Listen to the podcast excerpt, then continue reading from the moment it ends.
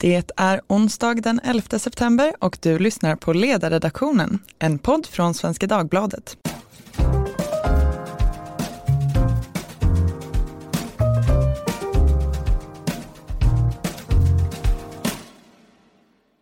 Jag heter Katarina Karkainen och idag ska vi prata om de förändringar som regeringen planerar för bostadsmarknaden. Från och med den 1 oktober blir det nämligen olagligt att hyra ut en hyresrätt till marknadspris om man inte har värdens tillåtelse. Då riskerar man böter eller fängelse i upp till två år. Det införs också andra skärpningar, som att en hyresgäst med förstahandskontrakt kan bli av med det så fort en andrahandsuthyrning uppdagas och att även om man har tillstånd att hyra ut så har man i lagens mening förverkat rätten till sin hyresrätt. Vad är det för problem som regeringen försöker lösa med sina förslag? Och hur kommer det sig att Liberalerna och Centerpartiet har ställt sig bakom det här? Det ska vi prata om idag och det gör vi med min kollega Lydia Wåhlsten som skrev om det här i måndags. Hej! Hej! Fredrik Kopp som är universitetslektor vid Lunds universitet i fastighetsvetenskap som är med oss på länk. Hej! Hej hej! Och Caspian Revinder från Tankesmedjan Timbro. Hejsan! Hej! Första frågan. Kommer regeringens förändringar att innebära några förbättringar av bostadssituationen i Stockholm? Nej. Nej. Nej. Det finns i och för sig en, alltså teoretiskt sett så skulle det kunna innebära en förbättring då och det är ju att man helt enkelt skrämmer människor som nu sitter och trycker på fina förstahandskontrakt till att lämna ifrån sig dem för att det blir ju då svårare att hyra ut i handrand och mycket mer riskabelt. Och vi som bor i Stockholm och har bott i Stockholm en längre tid vi vet ju också att det finns en rad människor som har så pass god ekonomi och så pass låga hyror på sina hyresrätter att de helt enkelt låter dem stå som förråd. Jag har en bekant, utan att säga vem, så kan jag säga att eh, dennes pappa då har haft ett kontrakt uppe på Gärdet i Stockholm. Och jag tror att det var i 10-15 år som det stod då tills att eh, denne någon kunde ta över det kontraktet och bo där. Och under den tiden så hade familjen bara låt, låtit lägenheten stå helt orörd som ett litet museum. Och det här är ju kanske inte jättevanligt men det förekommer jag tror att risken är nu att vi kommer få se fler sådana här bostäder som helt enkelt står helt och hållet som Tjurgardförråd. Caspian, du tror inte heller att det kommer förbättra situationen? Nej, absolut inte. Och eh, precis som väldigt mycket av de bostadspolitiska förslag som ligger i januariavtalet som regeringen, både den här Eh, kommande mandatperioden och mandatperioden som har varit förra gången, eh, förra, förra eh, fyra åren, så är det på sin höjd poler, polering på ytan och ingenting som eh, kan ge några stora substantiella förbättringar. Det har gjorts några småsaker i rätt riktning. Eh, det är klart att det är bättre att man kan bygga 25 kvadratmeter än 10 kvadratmeter utan eh, eh utan planbestämmelse, utan eh, detaljplan och bygglov. Men det är ganska små eh, åtgärder i sammanhanget. Fredrik, vad säger du? Ja, men som så ofta annars så, så, är ju det här ett sätt att försöka sudda ut symptomen på ett, ett annat väldigt stort problem. Och, och det stora liksom underliggande problemet här det är ju att hyrorna inte tillåts att, att komma till, till jämviktsnivå för att klarera marknaden. Det gör ju att fastighetsägare har inte möjlighet att ta ut Eh, den hyra som folk är villiga att betala. Men då kommer någon annan att ha möjlighet att ta ut den hyran. Och i det här fallet har det ju varit eh, förstahandshyresgäster som antingen genom att hyra ut svart eh, till en högre hyra eller genom att sälja hyreskontraktet eh, på en svart marknad har kunnat tillgodogöra sig Eh, det mervärde som skapas av, av hyresregleringen. Och den förändringen som regeringen gör, det har ju varit förbjudet då att eh, sälja sådana här förstahandskontrakt, men det har ju inte varit förbjudet att köpa dem. Och det man nu gör det är att man kriminaliserar även köp. Och det lagrådet då väckte som kritik, det är att man kan ju anta då att de här personerna som också köper kontraktet inte kommer vara särskilt villiga att delta i brottsutredningar. Och därför ifrågasätter man om det här överhuvudtaget kommer vara effektivt just vid försäljning. Och det här gäller ju även förstås andra andra hand. Att eh, det är inte sannolikt att andrahandsgäster som har fått det här kontraktet på ett sådant sätt kommer att vara villiga att delta i brottsutredningar. Alltså jag tog en, förra året så tog jag en fika tillsammans med en, eh, en person som, eh, som är svartmäklare. Alltså han säljer hyreskontrakt i, i Stockholm. Och han gjorde samma analys som, som lagrådet. Så att han var ganska trygg i att man skulle förbjuda Ehm, eller även straffbelägga de som, de som köper kontrakt. För det gör ju att han som, som då säljare, eller egentligen mediär mellan säljare och köpare, risken för honom blir ju lägre i och med att, att alla riskerar fängelse. Ehm, så han var positivt inställd till den här förändringen. Och det var precis det här som jag varnade för i min text i måndags också. Att det, antagligen så är det det här vi kommer se. Eh, insatserna höjs och det gör ju att de mest kriminella elementen kan göra ökade vinster på, på den här typen av transaktioner. Så istället för att göra det enklare, som till exempel med rutavdrag och sånt, så man ser att man får ner den svarta marknaden, så går man precis den andra vägen. Och vår eh, minister Morgan Johansson, han var ju väldigt nöjd med det här. Och det är ju precis så här det motiveras också om man tittar på kommentarerna från regeringen att det är just den här omfattande kriminella verksamheten som man vill bli av med. Det är ju inte vanliga hipsters som hyr ut på Airbnb som står i fokus. Men alla drabbas ju av den här lagstiftningen och lagrådet säger också det att fängelsestraff är någonting som annars har löst helt civilrättsligt är helt enkelt inte proportionerligt. Och det, stora frågan är ju då som du sa, varför har eh, de här liberala partierna överhuvudtaget gått med på den här drakoniska lagstiftningen? Säger du Caspian, varför har de gått med på det? Ja, det, det, kan jag tyvärr inte svara på för jag förstår inte heller. Men det finns ju en bristande förståelse här för varför svarta marknader uppkommer till att börja med. Orsaken till att svarta marknader uppkommer i så gott som samtliga fall, oavsett om det rör arbete eller lägenheter eller smuggling eller liknande, det är att legala marknader inte får fungera. Det kan handla om att man har eh, väldigt strikta regleringar, att man har pristak, att man har snedvridande skatter som skapar, eh, skapar arbitragemöjligheter, möjligheter att komma runt och göra vinster eller klara sig bättre genom att bryta mot lagen. Det viktiga man borde göra, det man verkligen borde se över på bostadsmarknaden är hur får man en fungerande marknad som låter människor komma in på bostadsmarknaden, både den hyrda och den ägda, låter bostäder byggas, eh, inte sätter byråkratiska käppar i hjulen eller tillåter för mycket av överklagande och långsamma processer vid byggande, utan eh, att för den delen eh, nu gör man ju istället tvärtom och slår på symptomen med de hårdaste batonger man kan hitta och sätter folk i fängelse istället för att möjliggöra vita marknader. Det intressanta här är ju också att Hyresgästföreningen har ändå uttalat sig positivt om det här trots att det verkligen undergräver eh, hyresgästernas rätt. Och det finns väl några spekulationer kring varför det är så. Dels så är det ju absolut ett stort problem och då måste vi visa vilja att genomföra förändringar och den här förändringen är väl bättre än att införa marknadshyror från Hyresgästföreningens håll.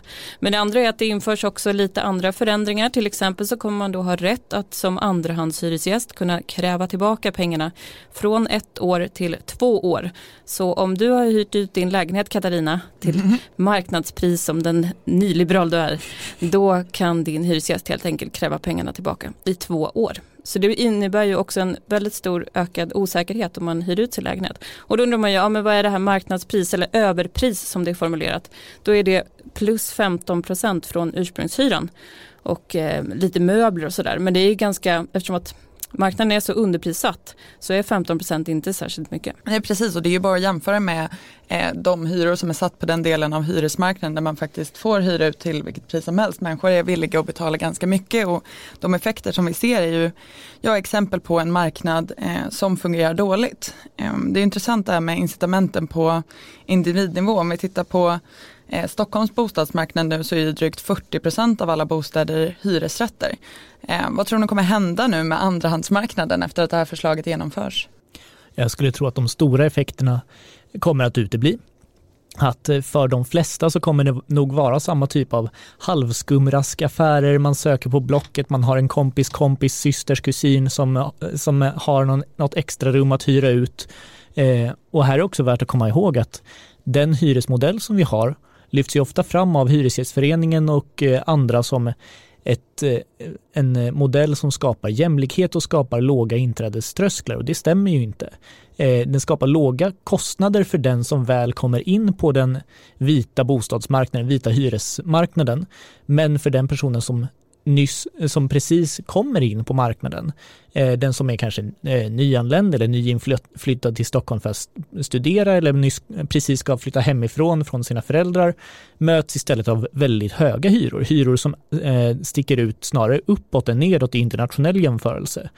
Så vi har ju ett system som skapar höga kostnader för de som är minst köpstarka och låga kostnader för de som har lång, eh, lång tid i, på bostadsmarknaden och höga, eh, hög kapital. Det finns ju såklart människor som skulle ha svårt att betala marknadshyror. Det ska man inte sticka under stol med och det lyfter ju många upp också som faktiskt vill se mer av en marknadshyra. Men det skulle man ju kunna lösa på andra vis. Assa Lindbäck brukar ju föreslå då att man har ett bostadstillägg till exempel till de här människorna då. Agda 92 som har bott i en hyresrätt mycket länge och skulle ha svårt att klara det. Alltså där får man ju, om jag får inflika med, med, om man ska ha hyresreglering som ett sätt att omfördela resurser så är det ju särskilt dåligt lämpat för att man har ju ingen aning om vem som får bo i lägenheterna som har, som har de lägst reglerade hyrorna. Eh, ett, ett fördelningspolitiskt mått skulle ju istället vara då att, att reglera ner hyror och bestämma att de med låga inkomster får bo i lägenheterna med de lägsta hyrorna. Men, men det steget tar man ju aldrig. Eh, och, och, därmed så, så, kan man ju heller inte förvänta sig att, att vi har en liksom positiv fördelningsprofil på hyresreglering. Och vill man hantera frågan om till exempel besittningsskydd eh, så kan man ju ha regleringar kring ökningstakten av hyrorna snarare än nivån på hyrorna. Till exempel, det är många länder som har den typen av lösningar eh, så att ingen snabbt och plötsligt prisas ut från sitt boende utan att människor har en stabil och trygg bostadssituation även om man har på makronivå eh, marknadshyror på bostadsmarknaden. Det tragiska nu det är ju att runt om i Europa så ser vi det här i en massa olika städer för att hyrorna har gått upp ganska kraftigt. Man har den här diskussionen i London, man har det i Barcelona och inte minst Berlin där de nu eh, diskuterar till och med ha ett maxpris per kvadratmeter som ligger under hälften av de befintliga hyrorna för att det är så många som har velat flytta till Berlin. Det har ju gått från att vara en ganska skitig stad till att bli mycket mer hipp. Eh, och det är ju ganska oroväckande. Jag såg att Economist hade gjort något specialnummer nu om att och försöka motarbeta den här trenden. Men det är ju oemotståndligt som politiker. Du är ansvarig för en ganska liten del i innerstaden och att gå den här opinionen till mötes. Och här är ju en av de absolut största frågorna eh, eh, inte bara hyressättning utan också eh, bostadstillgången, marktillgången och möjligheten att exploatera nya områden och bygga städer. Och där är ju väldigt många delar av, av, inte bara Sverige utan hela Europa och hela världen eh, extremt reglerat. London har sitt greenbelt, eh, San Francisco har sina otroliga, otroligt hårda zoning laws. I Stockholm har vi en nationalstadspark som gör extremt stora delar av mark som borde bebyggas helt obebygglig. Eh, vi har dessutom regler som gör att en kommun kan nästan hur som helst instifta ett naturreservat men det är bara Länsstyrelsen som kan upphäva det vilket betyder att det finns en ständig push mot mer och mer av skyddad mark som man inte får exploatera samtidigt som vi har en inflyttning och en vilja till urbanisering eh, inte bara till de största städerna utan också till medelstora städer runt om i landet. Jag måste också ställa frågan till Fredrik eftersom att du faktiskt är akademiskt utbildad i det här och inte bara som oss andra lekmän. En sak som man varnar för nu i januariöverenskommelsen så har man ju då kommit överens om att det ska vara fri hyressättning på nyproduktion. Och en farhåga då det är ju att man knuffar hela den här efterfrågeöverskottet till en väldigt liten del av marknaden och att hyrorna då kommer gå upp kraftigt där. Och en risk som jag ser i alla fall det är att det kommer att lägga sordin på hela diskussionen om en större avreglering. Man kommer kunna peka på de här hyrorna och säga så här, ja den här hyran är vad marknaden sätter, där skulle inte folk ha råd att betala, alltså är en större avreglering omöjlig. Hur ser du på det där? Alltså det, det är en liksom möjlig risk att eh, vi får enormt snabbt stigande hyror i, i, uh, i, den lilla delmarknaden som till en början skulle vara oerhört liten. Det rör sig om liksom 1-2 av beståndet på årsbasis. Så, så de första åren så skulle det vara en oerhört liten delmarknad. En annan risk som jag ser med det där det är att det inte alls kommer att bli någon fri hyressättning. Utan att man kommer kalla det för fri hyressättning och man kommer att utvärdera det på basis av hur mycket som byggs eh, med det här liksom nya systemet fri hyressättning. Och, och om man då inte har en fri hyressättning i realiteten, det vill säga att, att man får sätta eh, fria hyror i alla framtida nya kontrakt och med någon eventuell liksom reglering av hyresförändringarna inom kontrakt, då är det inte alls säkert att det här kommer resultera i något ökat byggande. Och det är oavsett inte. Och utvärderar man det mot eh, eh ett sådant krav så kan man nog komma fram till att fri hyressättning var en ganska dum idé och, och så kommer det av den anledningen eh, också att, att liksom skjutas i sank, att, att utvecklas till, till det övriga beståndet. För det är ju där de stora problemen är. Eh, att tillåta högre hyror i, i, eh, i nyproduktionen. Jag är inte ens säker på att man kan ta ut högre hyror i nyproduktionen är inte liksom nödvändigtvis en jättestor lösning på de enorma problem som vi har på Sveriges hyresmarknad. Det har kommit ett läge när köerna, om man tittar på Stockholm, har vuxit eh, dramatiskt, liksom andra städer i Stockholm så har de fördubblats på nio år. Vad säger ni, finns det Finns det någon chans att bryta den här trenden som det ser ut nu? Jag såg ett jätteintressant förslag som Stockholms handelskammare hade lagt för eh, snart tio år sedan, 2011 tror jag, när de gjorde en uppskattning om hur många bostäder som står outnyttjade i Stockholm. Och då sa de att man borde kunna införa att ett år, även för folk som har hyresrätt, ett år borde man kunna få hyra ut dem fritt. Att man skulle ha rätt att hyra ut det. Jag tycker man kan titta på sådana, jag vet, fastighetsägarna är ju förstås emot det här. De tycker inte att man ska kunna tjäna pengar då i, i andra hand på de här bostäderna. Men samtidigt, jag menar, det är massa nya lagförslag som läggs just för att eh, förbättra bostadsmarknadens funktion och det här är ett sådant fall där jag i alla fall tycker att man ska se över sådana typer av lösningar. Ja, det är klart att det är möjligt att eh, komma ur den här destruktiva situationen och komma in i en bra och välfungerande marknad. Det enda, det enda lilla som krävs är en politisk vilja att avskaffa bruksvärdessystemet och eh, fasa in marknadshyror. Man kan ju också säga det att det finns ju också en kritik från vänster. Jag vet att eh, några S-studenter bland annat har eh, skrivit mycket om det här, just att det omfördelar från, då, eh, från fattigare till rikare så att säga. Och den där diskussionen tycker jag eh, borde kunna stärkas upp inom socialdemokratin.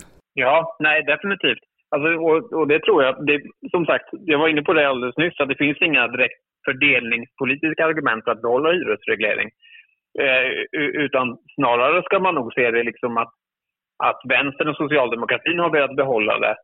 Eh, kan snarare ha att göra med att de har en ganska närstående organisation i Hyresgästföreningen som, eh, som har ganska stora privilegier att försvara. Jag menar, det är ju medlemsavgifter på, på kanske en halv miljard och så är det förhandlingsavgifter på, på 200 miljoner på, på årsbasis som man får in på grund av den lagstiftningen som, som vi har. Och det, det är klart att eh, det är ganska stora skäl att propagera för att fortsätta med, med just det här systemet som gör att jag tror att det blir svårt att, att få bort det. För det finns liksom ingen motsvarande part på andra sidan som företräder de som inte kommer in på, eh, på bostadsmarknaden som, som har en alls lika stark röst. Och att förlita sig på fastighetsägarnas röst, det tror jag Alltså det blir svårt att argumentera. Det är svårt att argumentera för att det är synd om fastighetsägarna helt enkelt. Som att det är, är liksom att argumentera att det är synd om någon äldre pensionär som sitter på ett, ett attraktivt Östermalmskontrakt. Vi behöver alldeles strax eh, runda av, eh, men eh, slutligen, eh, om vi ponerar att bostadsminister Per Bolund och justitieminister Morgan Johansson sitter och lyssnar på den här podden nu. Vad vill ni göra för medskick? Morgan Johansson, du behöver faktiskt använda argument som åtminstone någon kan tro på. Jag, jag skulle vilja uppmana Per Bolund att avreglera hyrorna och Morgan Johansson att eh, överväga att avgå. Ja, alltså jag, jag håller med, med om, om Caspians första punkt. Så avreglera hyrorna. Sen vill jag inte uttala mig om, om vad ministrar ska göra. Det får de göra som de vill. Eh, eh, men avreglera hyresmarknaden och särskilt hyressättningen. Eh, och gärna många andra regleringar som har att göra med, med den byggda miljön och markanvändningen. Jag skulle också, till Per Bolund så skulle jag faktiskt ge en eloge. Jag tror faktiskt att det till och med är 30 kvadrat Caspian och inte 25 som man nu ska få bygga på sin helt tomt. Riktigt. Ett utökat attefallshus. Det är bara att bygga vidare tills att det är helt fritt. Det får bli det, den sista positiva noten här att eh, avsluta på. Tack så hemskt mycket till Fredrik Kopsch, Caspian Rebinder och Lydia Wåhlsten för det här trevliga samtalet. Tack också till er som har lyssnat. Om ni har idéer på ämnen som ni tycker att vi borde ta upp så får ni jättegärna höra av er till ledarsidan svd.se. Hej då!